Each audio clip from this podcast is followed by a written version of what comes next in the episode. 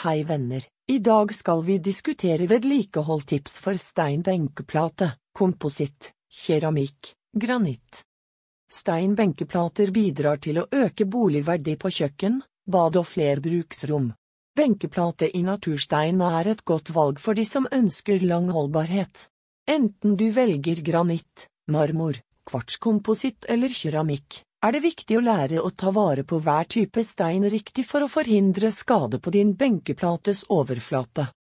Det er flere generelle vedlikeholdtips for stein kjøkkenbenk uavhengig av ulik steintype. Beskytt benkeplate mot varme gryter og panner. For høy varme kan forårsake termisk sjokk, som på sikt kan føre til sprekk i en steinbenk på kjøkkenet. Bruk gryteunderlag som tillater luftstrøm under den varme delen. Forskjell på Silestown og kompositt benkeplate varmetoleranse, de er begge laget av kvartskompositt og tåler varme ca. 180 grader. Granittbenkeplate tåler varme ca. 240 grader.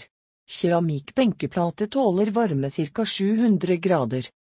Stå eller sitt aldri på benkeplater i stein. Små sprekker i steinen kan forårsake sprekker hvis de utsettes for mye. Ta en trinnstol i stedet.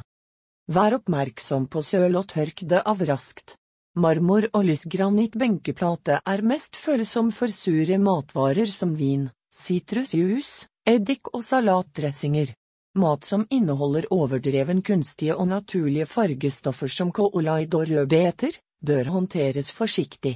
Selv granitt benkeplate som er impregnert ved montering av benkeplate, kan etses av sterke syrer eller harde kjemikalier som klorblekemiddel eller ammoniakk.